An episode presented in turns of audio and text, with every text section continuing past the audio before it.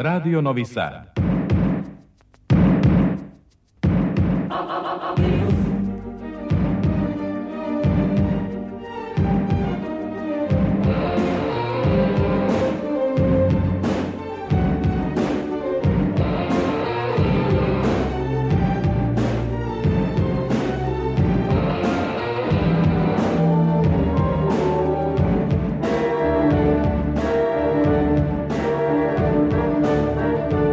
Spektar.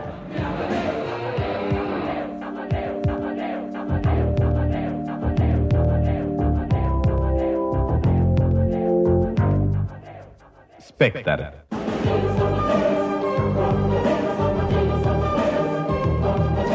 Deset je sati i 12 minuta. Dobro večer, dragi slušaoci, u prvom prolećnom izdanju Spektra, magazina za kulturu Radio Novog Sada.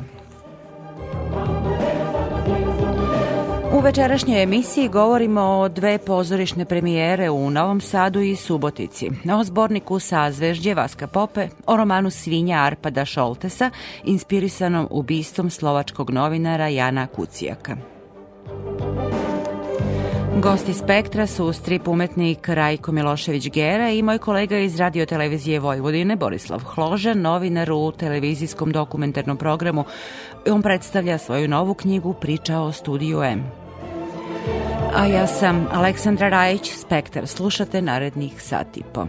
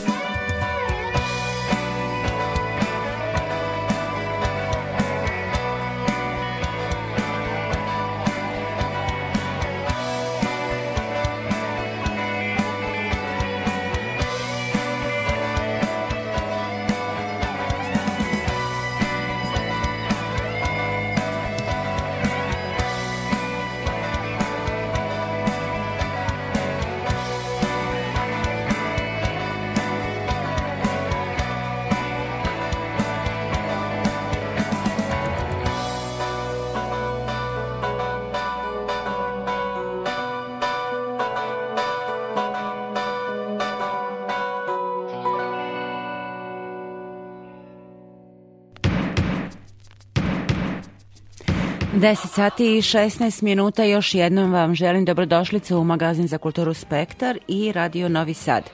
Emisiju počinjemo vestima iz kulture. Na Vajarsko-arhitektonskom konkursu za idejno rešenje skulpture u okviru urbanističkog rešenja Novosadskog distrikta izabrana je skulptura Oblak autora Branislava Nikolića. Skulptura predstavlja misaonu i organsku dopunu novog koncepta za revitalizaciju prostora distrikta. Osmišljena u formi fabričkog dimnjaka iz kog kulja dim, skulptura svojom formom izmešta posetioce distrikta u istoriju ovog prostora obeleženog intenzivnom industrializacijom Novog Sada početkom 20. veka. Njena svedenost nedvosmisleno komunicira sa nasleđem, privlači poglede i poziva na dijalog. Dva dominantna materijala, terakota i čelik, bili su nosioci razvoja razvoja grada, pratići njegov stalni napredak kroz decenije, kaže se u odluci na konkursu koji su inicirali Fondacija Novi Sad Evropska predstavnica kulture i Centar Tera. A u Galeriji Akademije umetnosti u Novom Sadu do kraja marta izložba o Jeleni Anžuskoj i njenoj zadužbini Manastiru Gradac. Tom postavkom obeleženi su mesec frankofonije u Srbiji i 75. godišnjica Republičkog zavoda za zaštitu spomenika kulture. Film e, Munja opet premijerno u sredu u Beogradu, a od četvrtka i novosadska premijera u bioskopu Arena Cineplex. Ponovo Raša Andrić i ekipa u kojoj su Sergej Trifunović, Nikola Đuričko, Maja Mandžuka i Boris Milivojević. A nova premijera ove sedmice predstava Koštana u režiji Andreja Bokije u izvođenju mađarske drame Narodnog pozorišta Subotica. Komad Bore Stankovića prvi put je izveden na mađarskom jeziku. Stavljajući lik Koštane u drugi plan, reditelj publici daje do znanja da se zapravo bavi porodičnim odnosima. Reditelj Andrej Boka istakao je da je više puta gledao Koštanu, ali je imao potrebu da ispriča na svoj način. Sa njim je razgovarala Ana Čupić. Koštana komad sa pevanjem, što malo ljudi zna da obično kada čitaju karakterišu kao musical, kada gledaju nije im jasno tačno šta, ali komad sa pevanjem koji je na neki način i nacionalni simbol. Prosto to je priča koja govori o jednom vremenu, o jednom narodu, ali može se primeniti na bilo koje vreme i može se uklopiti u bilo koje govorno područje, što smo imali priliku i da vidimo sada na mađarskoj sceni Narodnog pozorišta Subotice. Šta vam je bio impuls da počnete da se bavite koštanom na ovom jeziku? Pa ne znam, zapravo šta mi je bio impuls da uopšte radim koštanu. Mislim, lago bih kad bih rekao da sam imao ono, odma agendu gde će to da ide i kako će to da izgleda. Zapravo je samo bio osjećaj. Kad sam pročitao jer neminovno sam čitao e, ponovo te stare srpske drame i onda sam, kako sam čitao Koštanu, neko, ja počeo da mi se javljaju slike i osjećaji i, i jako mi je bila inspirativna ta priča. I onda nekako se tako i namestilo igrom slučaja da sam tu radio žalošćenu porodicu i otvorio, otvorio se prostor za rad ponovo na mađarskom jeziku i ja sam predložio da, to, da bih ja volao da radim Koštanu. Tako da, to je otprilike odgovor. Konceptualno vrlo zanimljivo publika sedi na sceni, glumci ulaze sa publikom, sedaju u gledalište i onda jedan po jedan iskaču iz publike. Meni je to bilo jako zanimljivo, pogotovo što publika sedi sa obe strane scene i onda nekako tako opkružujemo uh, celu, celu predstavu i osjećamo, kao, e, osjećamo se kao da smo deo nje. Yeah. Da li je to bilo namerno ili slučajno rešenje? Pa naravno da je namerno.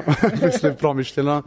E, pa da, mislim, to je onako jasan jedan scenski znak da, da, da su oni deo tog društva i da je zapravo da, da je publika i publika i glumci su deo tog društva i da su jedno i zapravo mi je bilo zanimljivo da se iz toga isplivava individualni e, razgovori ili situacije. Da, da, scenografija je vrlo zanimljiva. Može biti oltar, može biti mučilište, može... prosto zanimljivo mesto za Koštanu. Možete da nam objasnite tu ideju?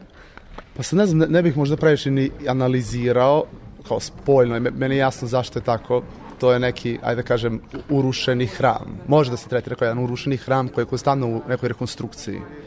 i koje može da korespondira sa bilo kojim segmentom, ne kažem društva, nego prosto dozvoljava razna učitavanja i, i, i neka su, e, da kažem, na prvu loptu, neka su, neka su na, da kažem, drugu loptu i zapravo stvarno ona, ona daje neki okvir e, i publici namerno da su zatvoreni u tome, jer stalno se priča o tom begu ili odlasku, da li, zašto, da li mogu da izađu, da li ne mogu da izađu i zato je bilo potrebno da, da budu okruženi.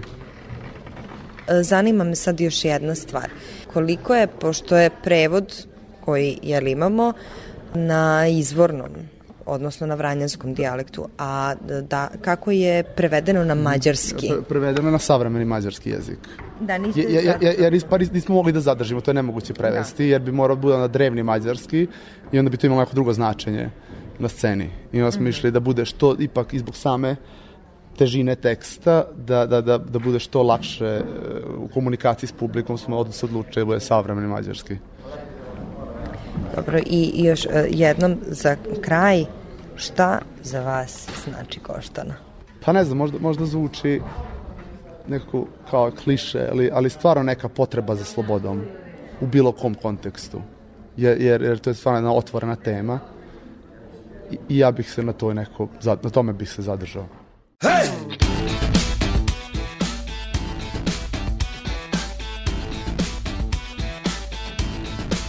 Well, you've been wearing your burden like a two-ton chain.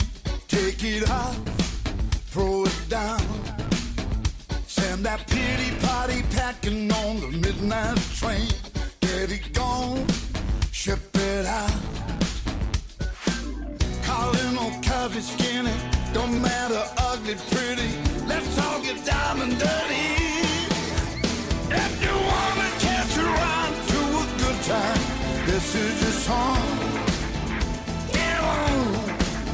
And if you wanna have a party, we can start it right. What you waiting home? Get on. Don't let it slip away. It's all about today. Hear all the people say. Get on. Baby, get on. We got that boom boom bumping like a downtown quake. Wake it up, shake it down. We got the girls all jumping, got the dudes on the make. Feel the love moving round. The party's getting hotter. Break out the fire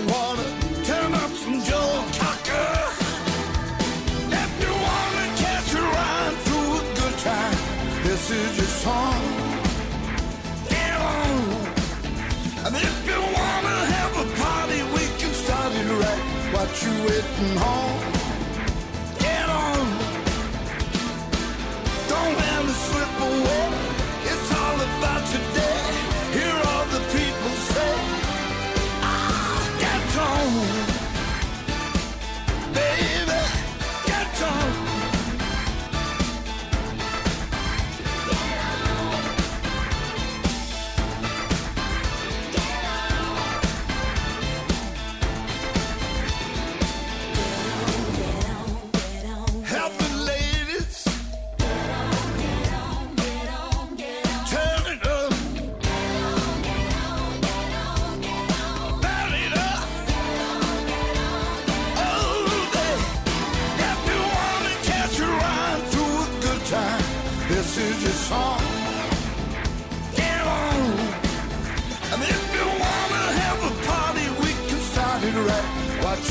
walking home.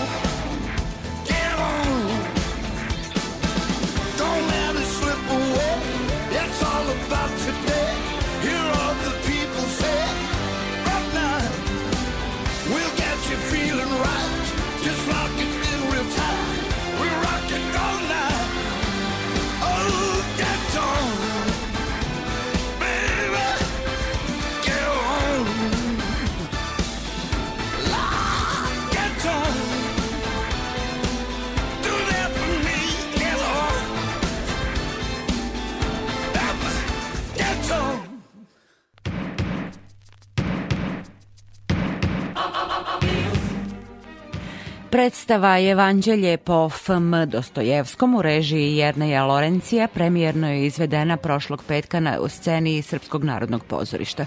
Zasnovana je na romanima Dostojevskog i na filozofskim i religioznim pitanjima u njima. U četvorosatnoj predstavi reditelj navodi publiku da zajedno sa ansamblom analizira čuvenog romanopisca odajući počast njegovoj kompleksnosti. O utiscima, o radu i premijeri sa glumicom Sonjom Kessler razgovarala Jana Čupić. Evanđelje po Dostojevskom. Kako vi tumačite ovaj naslov i šta on vama predstavlja? Toliko toga. Ja i prosto moram uzeti u obzir da je sve toliko sveže za mene sada e, da i stvari su se iz dana u dan menjale do samog kraja, tako da ja tu sliku još uvek ne mogu da sastavim, ali kao negde i u samom delu braća Karamazovih toliko je, toliko je nijansi i boja i osjećanja i samih tema, kao što i u predstavi spominjamo, neka raskoš u, u mislima i u stavovima, razmišljanjima da čovek e, ima priliku da odabere da se, čemu će se posvetiti, šta, šta će odabrati, kako će, po čemu će živeti. I mislim da ova predstava nekako prvo prostorno daje dosta i e, da se o tome razmišlja, da se, dok, dok se gleda i kontemplira, odabira i naravno nama kao ekipi koja je radila i stvarala sa Jernejem ovo iskustvo je naravno nešto neprocenjivo i mislim da, da će e, plodovi tog rada tek da se pokažu nama u, u nekom daljem životu i predstave, a i privatno. Ja moram e, da pitam, pošto to uvek zanima i naše slušalce, i mene sada posle ovakvog izvođenja predstave zanima kako su tekle probe i kako je uopšte taj proces izgledao do ovog finalnog proizvoda? Ma divno, mislim, probe su od samog početka bile zanimljive, e, lagane, prosto Jerno Lorenci je stvarno čovjek koji jako lepo ume da oseti glumca, da drži pažnju glumcu, da, da, stekne pove, da, da ljudi steknu poverenje u njega. Znao je zbog čega dolazi, zbog čega radi ovu predstavu i to je nas odmah okupilo i od prvog dana, prosto, to sam već i jednom rekla, nismo ošte, ja nisam sumnjala da sam na nekom pogrešnom mestu. Bila sam jako zadovoljna što sam na tom mestu u to vreme sa tim čovjekom na tu temu i do samog kraja tako je bilo i nije pravio neki pritisak da se nešto desi, nije nam nametao stvari, stvarali smo sve vreme zajedno i nekako zbog toga smo se na kraju i založili da, da, ovako, da ovako igramo predstavu, da je mi sami želimo da je igramo, što je posebno bilo zadovoljstvo. Vaša igra je elegantna i sa stavom, impresionirali ste me, svaka čast čestitam još jednom. Koje su vaše impresije toga što ste odigrali? Šta je to tačno? Pošto imamo jako puno elemenata koji verovatno nam neće biti jasni još jako dugo, jer je ovo predstava o kojoj se razmišlja. E, impresija je e, vrlo nova, uopšte mislim na tokom rada kako je, kako je reditelj to sve pojednostavljivao bilo je sve čudnije što imamo, činilo se manje prostora za igru, recimo u tim nekim pričama, a onda se de, desila stvar da, da tim smanjenjem prostora za nas se proširio prostor za publiku i za njihovo namaštavanje. I to je ono što ja nikada ranije nisam radila, niti sam znala da pričam priču, e, suštinski nisam. I to ovaj, mi je drago da sam ovde imala dodira sa tim, gde ja vidim da publika nešto um, sada sme i dozvoljavam joj da, da ona namašta i da stvori u svojoj glavi i to mi je bilo jako drago. Um, i uopšte svi mi smo to od njega pokupili, jel, tu neku, taj neki metod, a onda, a onda se u nekim drugim jel, situacijama, u scenama, dešavalo da kao bi trebalo da se odigra neki sušti realizam, što je stvaralo ogroman pritisak automatski, ali i to se i to se kroz određeni rad i istraživanje namestilo da prosto da, da sedne glumcu, da mu bude jasno, da, da, da zna zašto to radi, da zna zašto ova scena sada ide posle prethodne. I to isto nije nešto o čemu sam ja ranije razmišljala baš puno i prosto je tajminzi su u nekim trenucima radili za glumca da uradi ono što je, jel, što, je planirano, ali ne bez ikakvog smisla. Tako da tu su se onda stvarali prostori i neka snaga u, u, u, u glumcu da, da, to, da, da to sprovede. I Vera, naravno, Vera i, i kolega, a, a Vera i, i samog e, autorskog tima. Glina, kao podloga za igranje, kao tlo ove predstave. Šta nam ona predstavlja i da li je teško igrati predstavu od 4 sata na glini? Pa bilo je možda samo prvu probu, ovaj, sa, kada je uvedena glina, ali nije, uh, nije čak nam to ne, nešto daje neku živost, neki život. Ovaj. Sad, iskreno, ja ne, nemam, ne, nemam u glavi baš tačnu ideju zašto. Razloga je više, ali nekako, meni se, uh, u stvari, mislim da se i na probama taj razlog nametao. Glina čuva svaki trag. I sve što se, jel, produbi ili napravi, negde gledalac ako želi, ako izabere, on će se seć, sećati kada se to desilo, zašto, kojim, s kojim razlogom.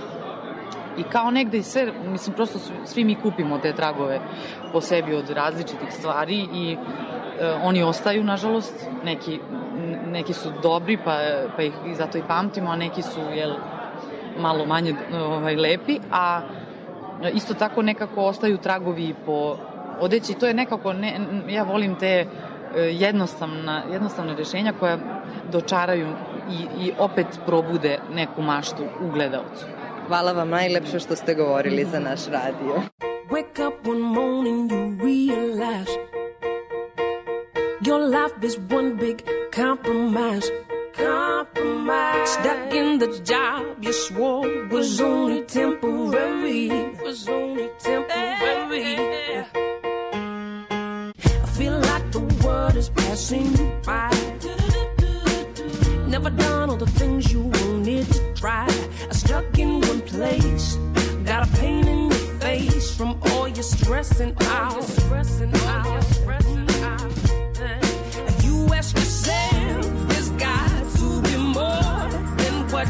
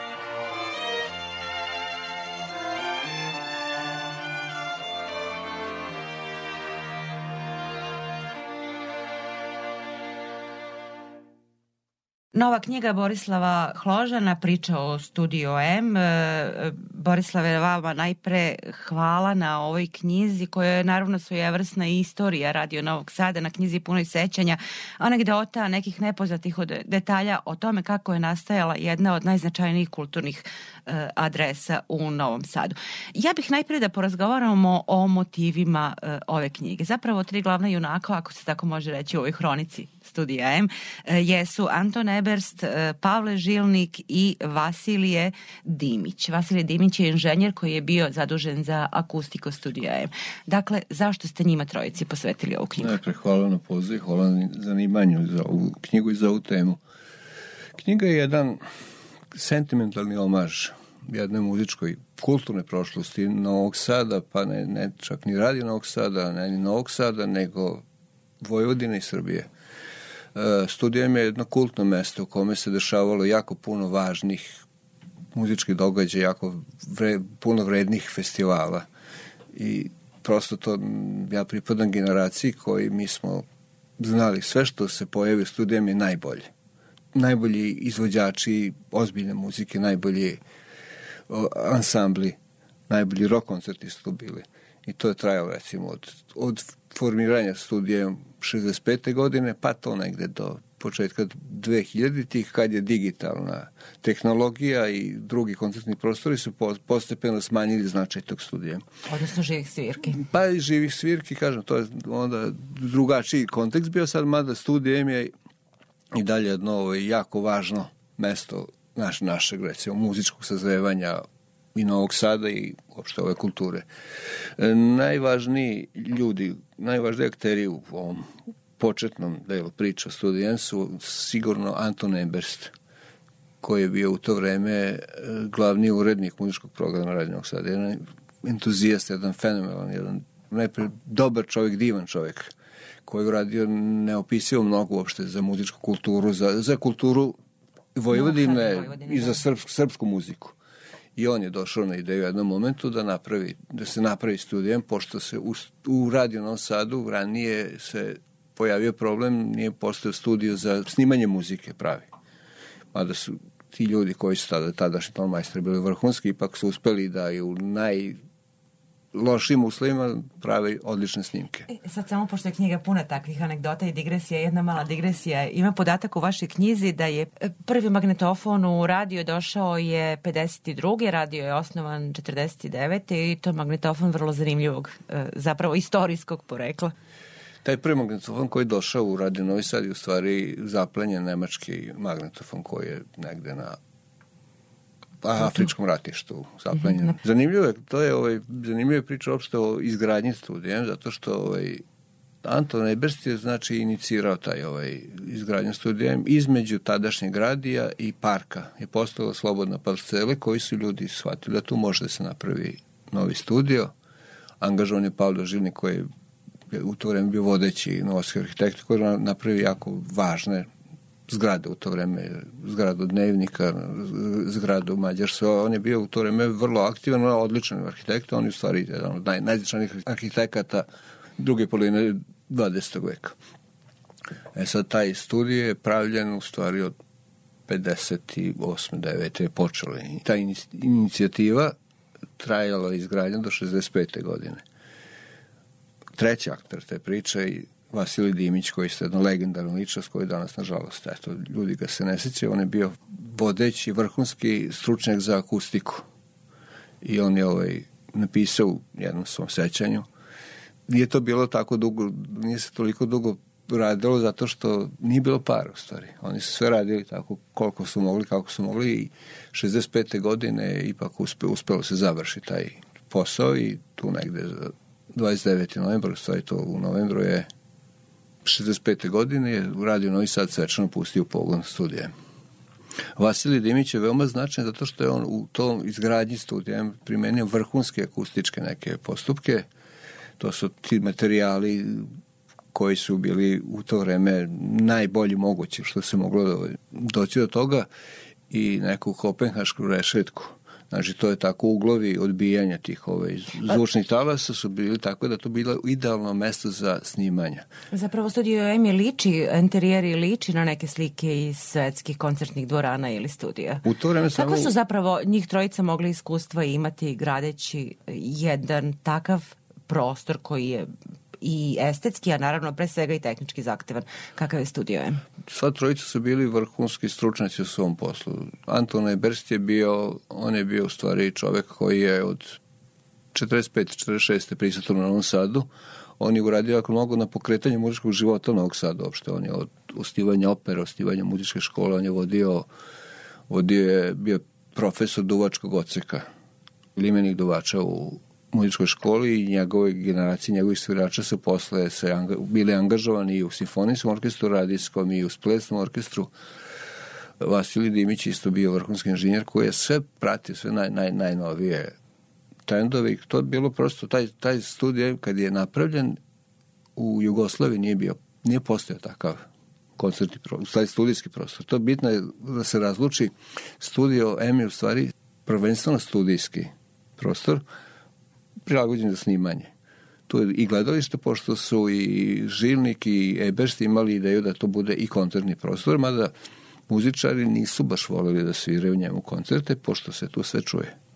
-huh. Sve, to je za studijsko snimanje idealno, ali tu nema, taj prostor ne, ne, ne prašta grešku, tako to sve što je vrhunski odsvirano, tako će biti snimljeno, a ovo je... I e, posle te 65. usledilo je neki 35-40 godina onoga što je danas e, muzička istorija Novog Sada. Knjiga je puna upravo takvih slika uh, iz studija M i rekla bih da je zapravo ideja ove knjige da ne ostane samo u uspomenama jedne generacije ono što se dešavalo u studiju M, nego da e, i evo ovako bude uh, zabeleženo na papiru. Ja sam se iznenadila kad sam videla, za neka imena sam znala naravno da su gostovale u studiju M, za neka nisam znala. Dakle, evo samo našim slušalcima da kažemo da su tu bili i Svjetoslav Richter i Ojstrah i Natalija Gutman i Sandovan i Chad Baker svi su oni prošli kroz studio M. E, svetska znači imena. Našu muzičku scenu studio M praktično sagradio. Apsolutno. Šta je vama ovako najupečatljivije zapravo u toj istoriji? Meni je bilo jako zanimljivo, kažem, ja sa studijem vrlo rano počeo da posećam kao slušalac koncerata i pratio sam dosta tih koncerta. Meni je bila velika muka da odaberem šta u ovu knjižicu da, da se mhm. uvrsti. Što to fantastično su jedna list, lista imena, spisak imena, recimo tu je prvi koncerti Kemala Gekića su to bili. Prvi koncert uh, Ive Pogorelića posle Varšave. Po, pomenuli ste tog ovaj, Četa Bakera. Chet Baker je to jedan od njegovih poslednjih koncerta bio. E sad, taj studij me imao fantastično taj jedan, to je bio magnet i za, i za izvođača i za publiku. Ja se sećam da to skoro svake dve, tri nedelje bilo nešto što je prosto bilo šteta propustiti. Tu su bila jako važna imena, recimo, tu se, kad je otvoren studijem, jedan od prvih gosti je bio Aleksandar Uninski. To je jedan ruski pijanista za koga se, rusko-ukrajinski pijanista za koga se danas ne zna. A recimo on je u početku 20. veka, u to vreme, u stvari 60. godina, bio jedan od vrhunskih izvođača Chopina u svetu. Zuzana Žužičkova, jedna svetski poznata čembalistkinja. Renata Tarago, isto jedna gitaristkinja koja je veliko ime. Taj ovaj koncert grupe Irakere. Ti, Sandovala sam pomenula, da. Da, Sandovali ekipa koji su tu napravili čudo. U vreme kad niko nije znao Jugoslaviji, oni su prvo tu svirali i i taj koncert je čak snimljen malo krišom. I ono što je naravno istorija pop rock e, muzike 70. i 80. godina u Jugoslaviji u to Apsolutno. To recimo, dakle, gotovo svi. Studije, pa lakše nabrojiti one koji nisu svirali to. Balaševićevi albumi su snimani u studijama i njegovi prvi koncerti koji su bili fenomenalni su bili prvi njegovi javni koncerti su bili u studijama. Tu je prvi radio prenos rock koncerta je bio koncert uh, grupe Crčak i Mravi. Prvi koncert grupe Lebi Sol van Skoplja, kad je u stvari počela njihova karijera, je bio u studije. Poslednji koncert korne grupe se desio 74. godine u studiju. Znači, studija je bio jedno mesto, tu su snimali Ekaterina, tu je snimala, snimao je Snim, Azra. snimao Bajaga. Svirali su svi, praktično sve, sve velike grupe sa par izuzetaka. Nisu svirali Smakovci, recimo, i nisu svirali Indeksi. To je bilo mesto gde je najbolje što se dešavalo na našoj muzičkoj sceni se videlo tamo. Jedan posebno zanimljiv koncert je bio, recimo, ta jedna strana gosto- gostovanje. To se dešavalo 87. godine, koncert grupe Nashville Masters. E, to je bilo jedno zanimljivo postava, tu su ovaj, u stvari američka ambasada, je to znači 87. se dešava, ono već počinje Jugoslavije da škripi i oni su napravili reprezentativnu ekipu, znači mladih nešvilskih virtuoza. To je bilo fantastičan koncert koji je isto počeo sa malo nervoze, pošto ovaj, stvari koncert je kasni, 15-20 minuta. Publika bila naravno pun je prepun studijem i koncert ne počinje ljudi iz radija prolaze sa unazvani šta je. U studiju je bilo neko nepisano pravilo, sve što se izvodi, to treba da se snimi. I ovaj menadžer, kad je video, taj amerikanac, kad je video spremljen magnetofon, rekao, nema, skidajte trake, inače nema koncerta. Biće snimanje, neće biti, uglavnom, ostalo toga da nema koncerta. Onda su ovi naši ljudi su se kao, ajde, izašli su iz režije, zaključali režiju i kao nije snimljen koncert. Koncert bio fenomenalan. Međutim, ovaj, ljudima koji su svirali, to je Marko Conor, jedan fenomenalan violiniste koji je napravio veliku karijeru u Americi.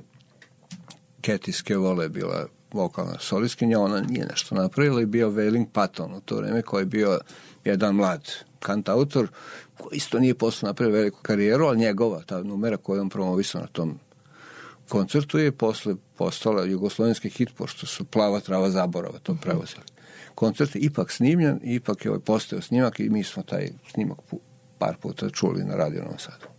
Ono što je zanimljivo e, za studio Ema, to je da je bio okosnica dakle muzičkog života u Novom Sadu prema ovoj vašoj maloj hronici da je da su zapravo gravitirali njemu, dakle ne samo cela Jugoslavija, nego prosto i neke nove stvari koje su dešavale u Novom Sadu i Nomus i Gitar festival i festival Tamburice.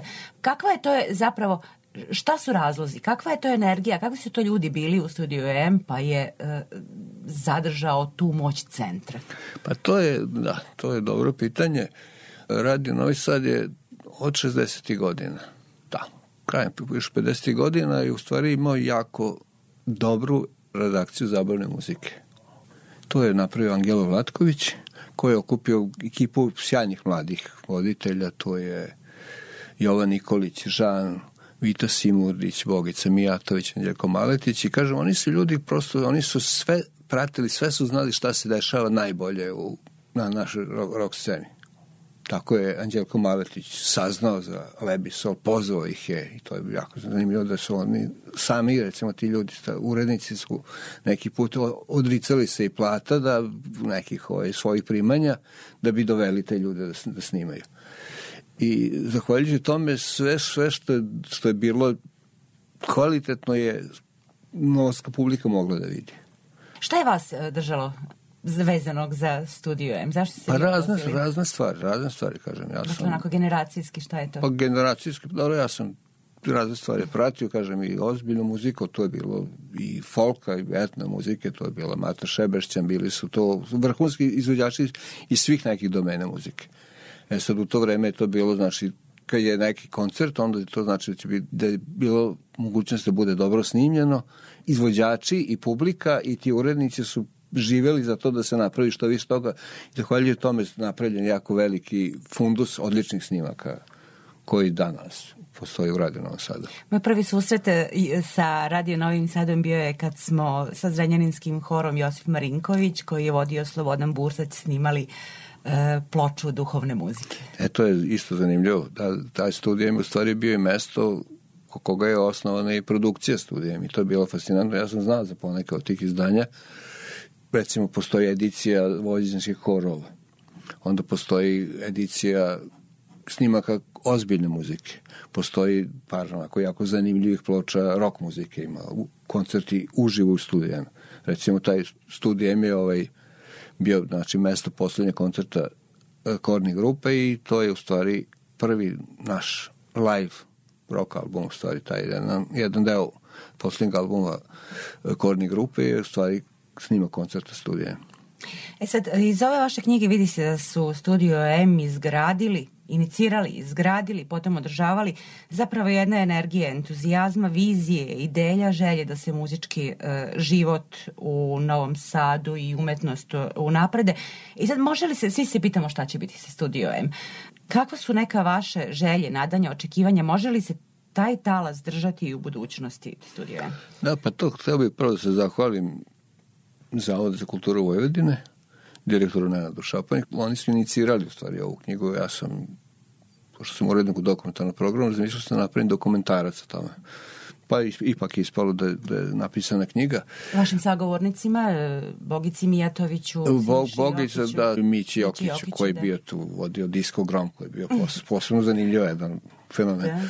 Mnogi ljudi su tu učestvovali, tu i Bogica Mijatović, Njeljko Maletić, Beba Stepanović, Boško Buta, kažem, ima mnogo ljudi koji su fotoreporter Branko Lučić koji je tu napravio sjajne slike, Katarina Maksimović za zaštitu spomenika i mnogi ljudi su tu, kažem, eto, doprinili, pomogli ono što je mene bilo fascinantno da danas kad se pogleda ta lista tih umetnika, u stvari sve šta se dešavalo studijama, to nije samo muzika, to je bilo i izložbi, bilo je i književnih programa i bilo je puno toga. Moja ideja, moja intencija je bila da ovom knjigom prosto zabeležimo taj jedan važan moment u kulturne istorije Novog Sada i neki poziv da taj studijem ostane i dalje i spomenik kulture i spomenik jednog vremena koje je to danas, danas je važno i nadamo se da će to i dalje da se čuje zvuci muzijski.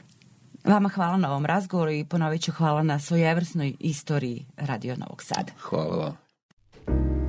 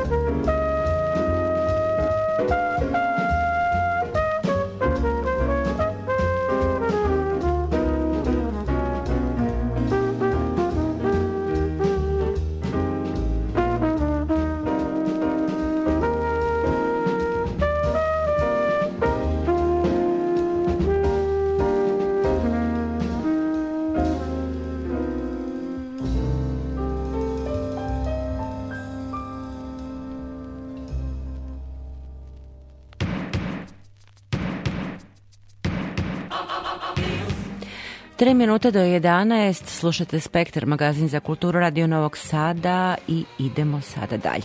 Slovački pisac i istraživački novinar Arpard Šoltes gostovao je u Novom Sadu i Beogradu.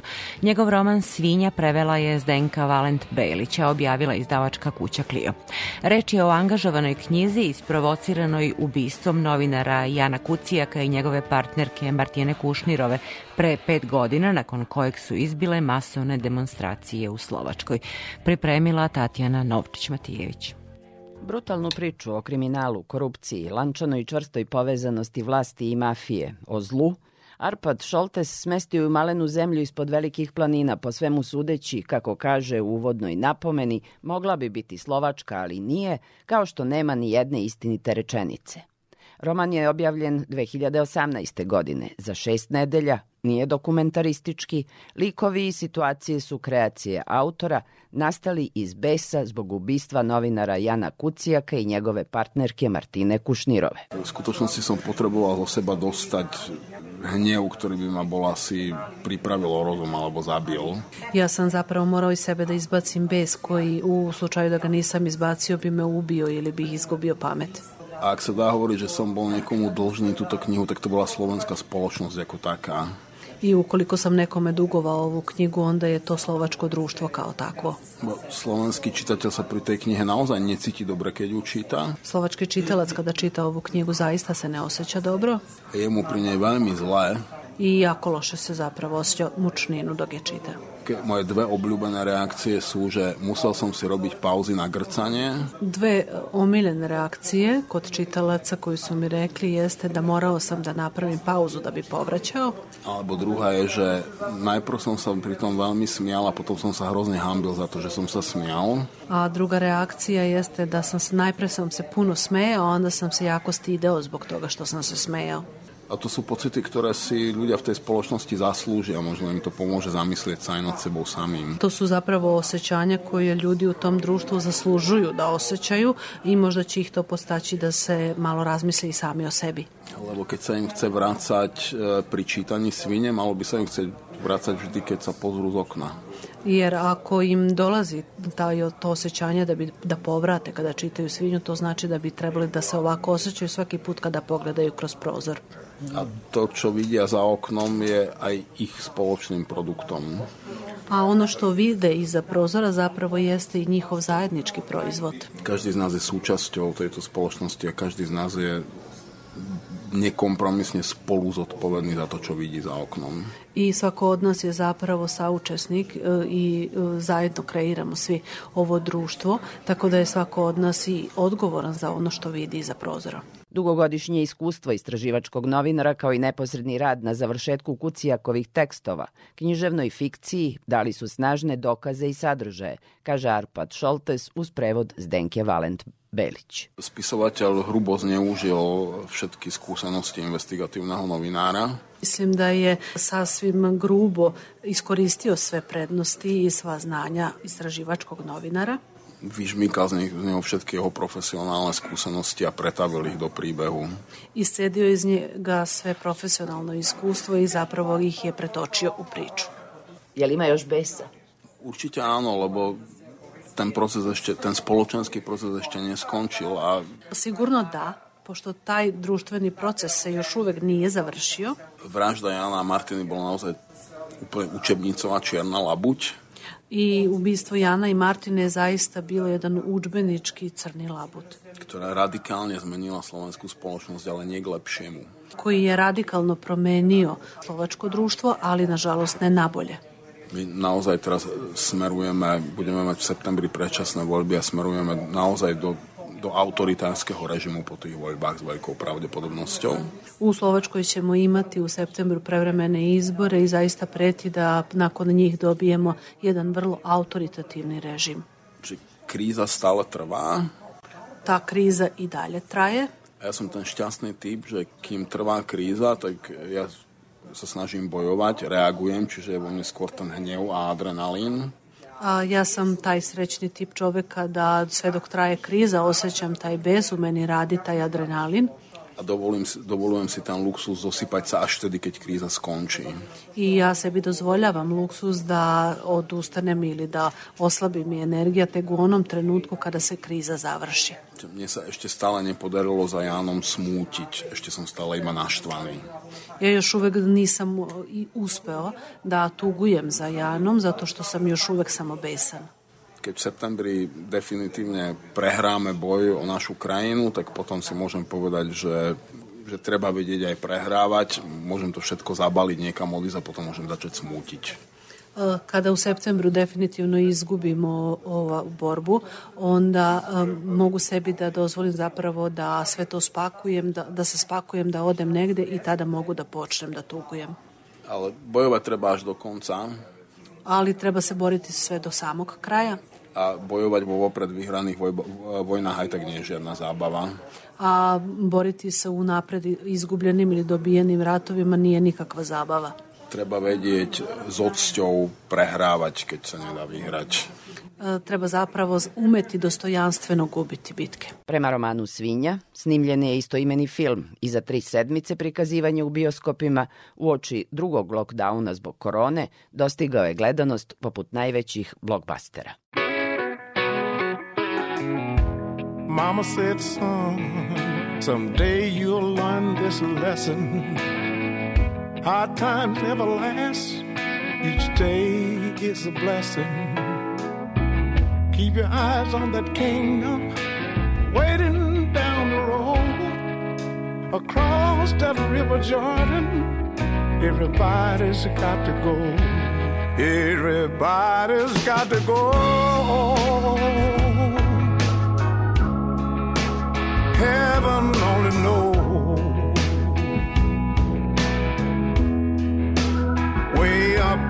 Sky, to that sweet by and by, everybody's got to go. The day my brother died, I thought about a song my mama used to sing before she passed on about our Savior Jesus calling his children home.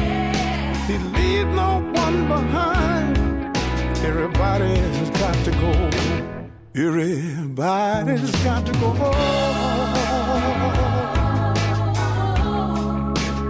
Heaven only knows. Way up in the sky, that sweet by and by.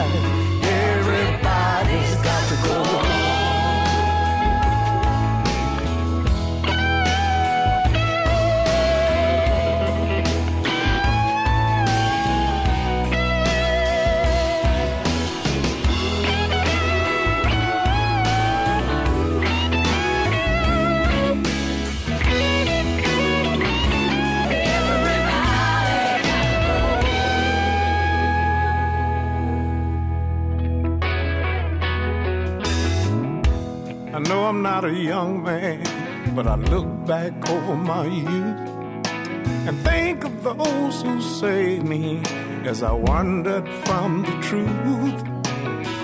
I'm not afraid of dying.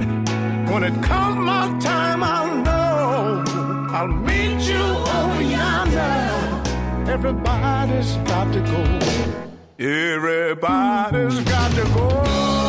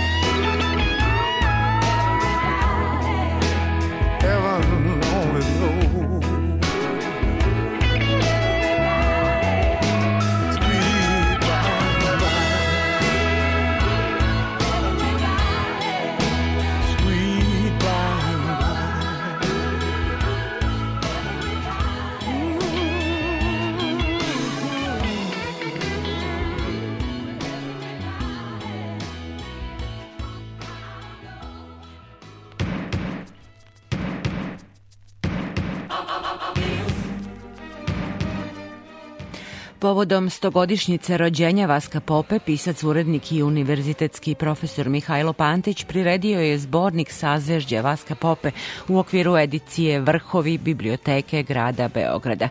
Knjiga sadrži popine autopoetičke priloge i odebrane stihove kao i tekstove stvaralaca o pesnikovom odnosu sa najznačajnijim piscima i intelektualcima njegovog doba, te daje autentičan prikaz Vaska Pope u društvenom i istorijskom kontekstu. Među autorima tekstova nalaze se Charles Simić, Predrag Palavestra, Muharem Pervić, Žarko Rošulj, Miodrag Popović, Jovica Aćen, Borislav Radović, Aleksandar Petrov i drugi. Na kraju zbornika priređen je i album fotografija koje beleže značajne momente iz pesnikovog života. Na promociji u Kulturnom centru Vojvodine u Novom Sadu Pantić je istakao da zbornik rasvetljava popinu svakodnevicu, karakter i pogled na život i umetnost ako negde stanuje istina sveta, onda verovatno stanuje u, u poeziji. E sad, što je ta istina sveta toliko kompleksna i neodgonetljiva, to je takođe jedno vrlo ozbiljno pitanje koje ne prestajemo da se pitamo, zato se time valjda i bavimo celog života, pa se eto i ja celog života bavim time.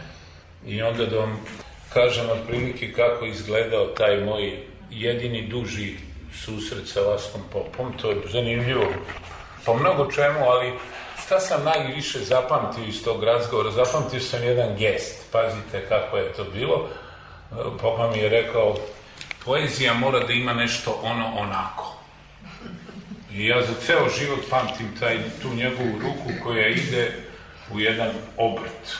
I kad pogledate njegovu poeziju, vidite da ona uvek ima nekakav jedan bar, ima ih više, tih 300 ili kako bismo to mogli da kažemo. To je magija velike poezije. Ja sam tu poeziju, mogu slobodno da kažem da je čitam celog života, I kad je čujem sad iz nečih drugih usta, ja opet dobi imam jedan doživljaj, potpuno jedan novi doživljaj, kao da je čitam prvi put. Jer uvek čujem nešto što u tim ranijim čitanjima nisam čuo ili nisam obratio na taj način pažnju. Dakle, ja sam negde 80. godina je to bilo, na podstreg mog profesora Svete Petrović, koji je uređivao u Matici Srpskoj, bio urednik, sa jednim mojim kolegom iz književih novina Slobodanom Zubanovićem sam probao da napravim razgovore sa najpoznatijim srpskim pescima toga vremena. Počevši od Desanke Maksimović i onda su se svi oni naređili tu od, nažalost, mislim da više niko nije, niko nije živio.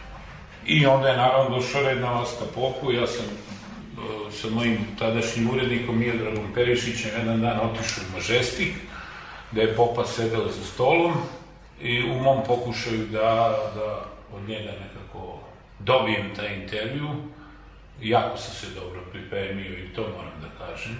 Osjećao sam neku vrstu strahopoštovanja. ja sam da bio mlad, onako dosta ambiciozan, a on je već bio onako, ajde, da budem blag, bio prilično mrzav. I nije mu bilo ni do kakvog ozbiljnijeg razgovora. Na kraju mi je čak rekao, ja te intervju uopšte ne dajem. To se ispostavilo kao tačno, jer je Popa jedan od redkih naših velikih, najvećih pesnika koji nisu nam ostavili u svojim autopoetičkim signalima nisu nam ostavili nikakvu preporuku, daleko bilo uputstvo kako bi trebalo čitati njihovu poeziju. Takvih velikih pesnika u srpskoj poeziji vrlo malo i to da vam kažem. Jedva nekoliko njih za koje smatramo da su s razlogom najveći nisu baš mnogo proslovili o tome što su pisali. Jedan na početku veka je to sigurno Vladislav Petković Dis, koji vada nije procedio ni jednu jedinu rečenicu u sobstvenom pisanju. Na kraju veka, odnosno drugoj polovini 20. veka, to Vasko Popa, koji je to možda radio na posredan način, preko tih, pre svega, zbornika pesničkog humora, narodnog stvarala i tako dalje, ima one tri antologije, i tako tih nekih škrtih, malih izjavica, u mladosti su one bile češće, evo ovo što smo čuli sad o Kori, recimo, A onda kako su godine prolazile, bilo je sve manje i manje takvih eksplikacije, na kraju su se bukvalno svele na jednu ili dve rečenice. Kad sam pravio taj intervju imao prilično posla, zaista, jer sam morao da pregledam recimo fonoteku radio Beograda, na primjer, ili sam iz televizije Beograd dobio jedina tri živa snimka Vaska.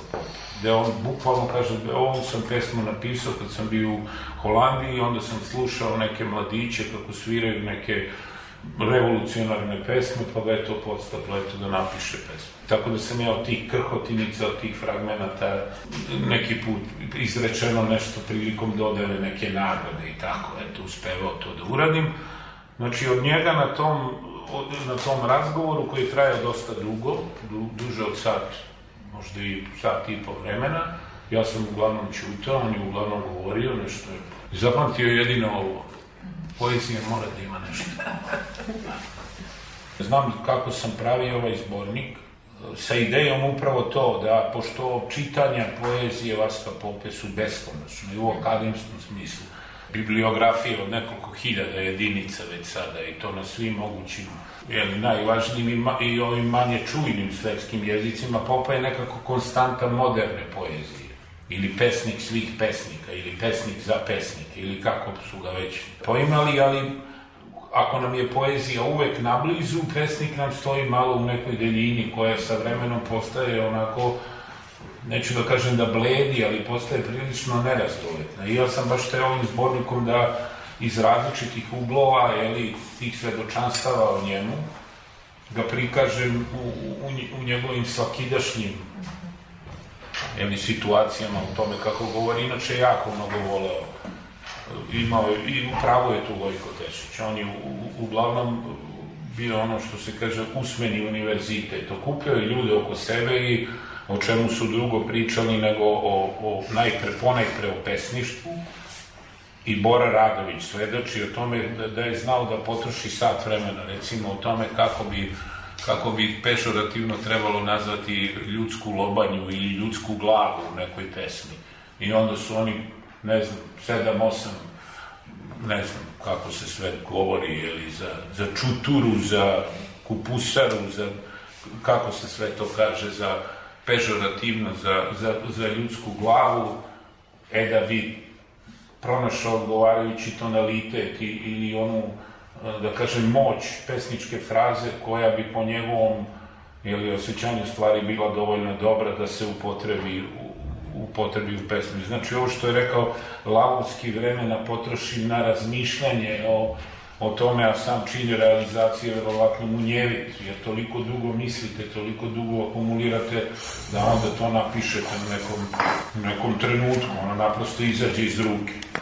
Tako da sam ja hteo to, da dakle, iz tih svedočenja najrazličitijih mogućih, jer je on imao dobre i dobre slušalce i ljude koji su ostavili zapise o njemu izvanredne. Ovo je jedan roman o Vasko Popi. Ovo je roman u kome je glavni junak Vasko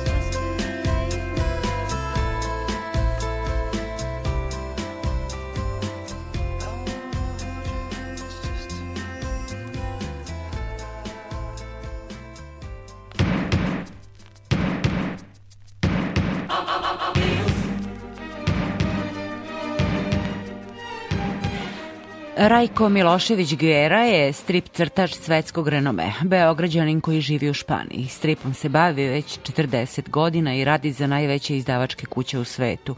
Uspostavio je trajnu saradnju sa scenaristom Tora, Jasonom Aronom. Quentin Tarantino ga je preporučio za strip po isečku i scenarija filma Prokletnici, kao i za Đangovu osvetu.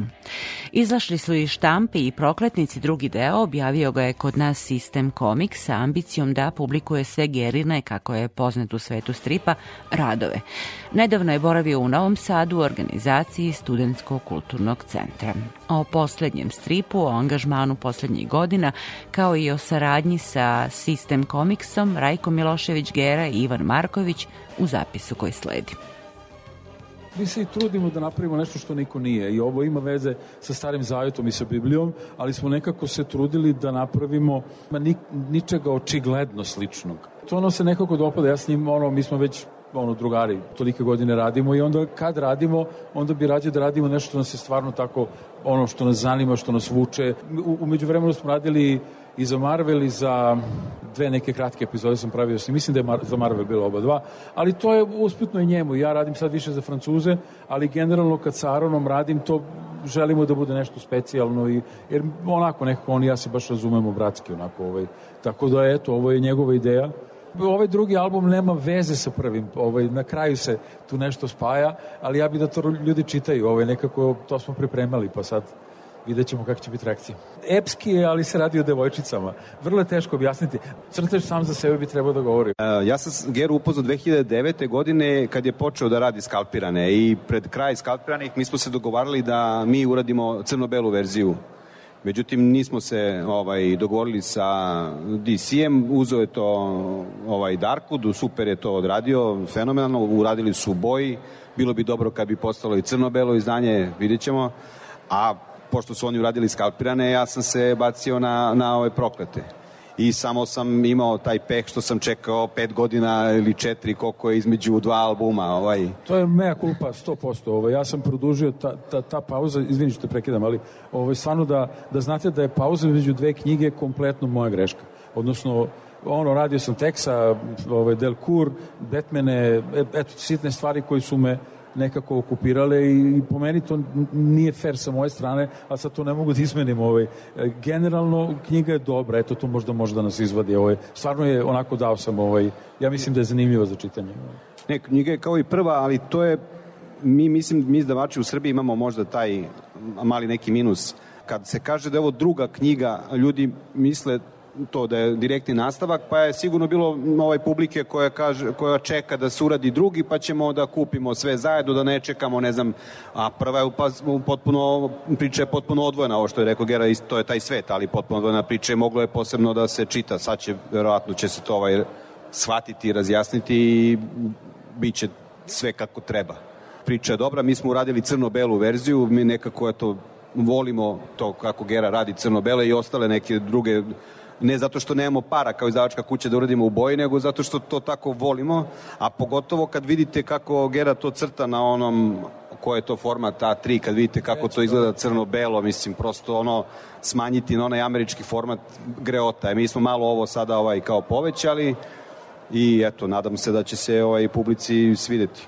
Ovaj, u Španiji su objavili kompletne skalpirane crno-belo i stvarno su izuzetno skupa izdanja. Rasprodat je kompletan tiraž na, na iznenađenje svih. Mi smo očekivali, on, nadali se dobrom prijemu kod publika, ali rasprodato je bukvalno. Kompletna storija je na, od 10 pa 5 knjiga, sad ima 3 i svaka je pa skoro 70 eura. I boga mi, ono, rasprodalo se, ovaj, stvarno nekako, prosto smo se iznenadili, ali i sve crno-belo. Tako da, eto, nadamo se da će i ovdje da prođe to. Ja volim crno-belo, rastao sam na crno-belom, pa... Odavno je počeo da radi teksaske ahače, to je trebalo da se završi, ispričat će ovaj on sad tu priču, ja samo mogu da ga ono... Western monografija priča. I, I dobro da, spako, evo, to vi zaboravim. Western monografiju koju već godinu dana Django. pakujemo, ali nikako da pakujemo, ne znam koliko ljudi znaju, ali Gera je u Španiji radio naslovno, naslovne strane za pisane western romane El Coyote 80 ili 90, 92. 92. Mi ćemo nekih 70 tih naslovnih strana staviti u tu western monografiju, plus ćemo imati razno razne još ono... Biće jako bogato, stvarno ovaj, jako bogato. To će biti super, mislim kao i ove ostale stvari, ali čekamo, mi najviše u stvari čekamo da završi uh, ove teksaske jahače koje je počeo da radi sa, sa francuzima iz početka. To je jedna čudna priča sa, sa tim pa, jahačima.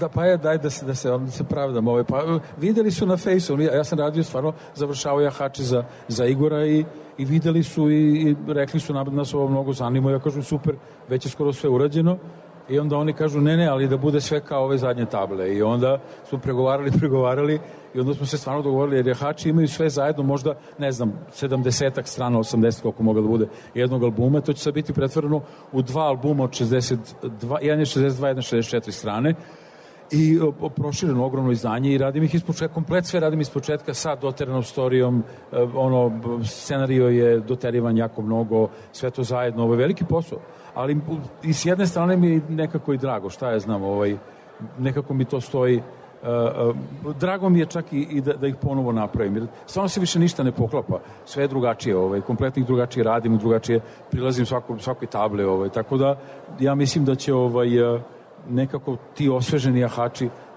naći svoju publiku i ovdje. A tamo uh, će biti dva albuma. Dosta inteligentno su oni to izveli. Ovaj. To je Urban Comics koji pripada Dargovu to je Urban Dargo.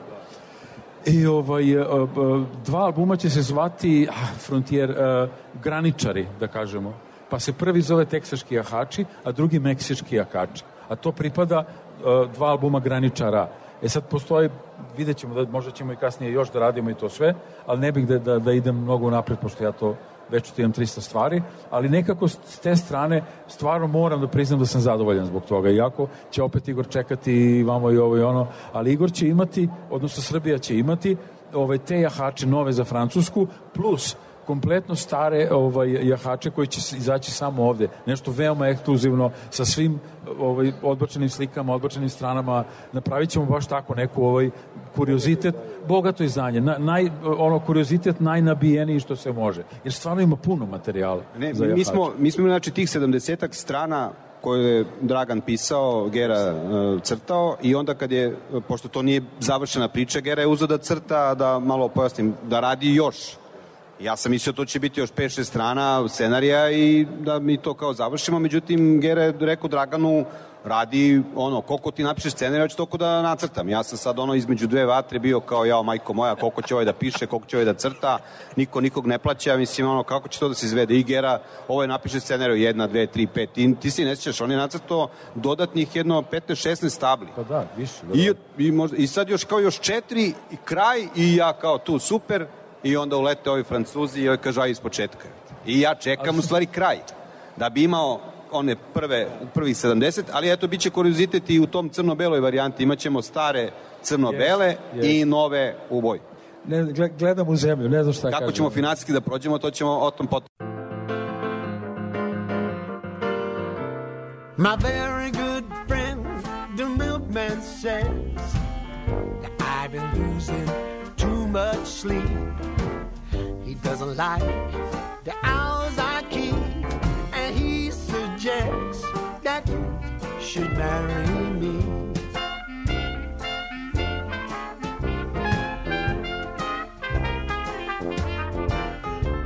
My very good friend, the mailman says that it would make his burden less. We both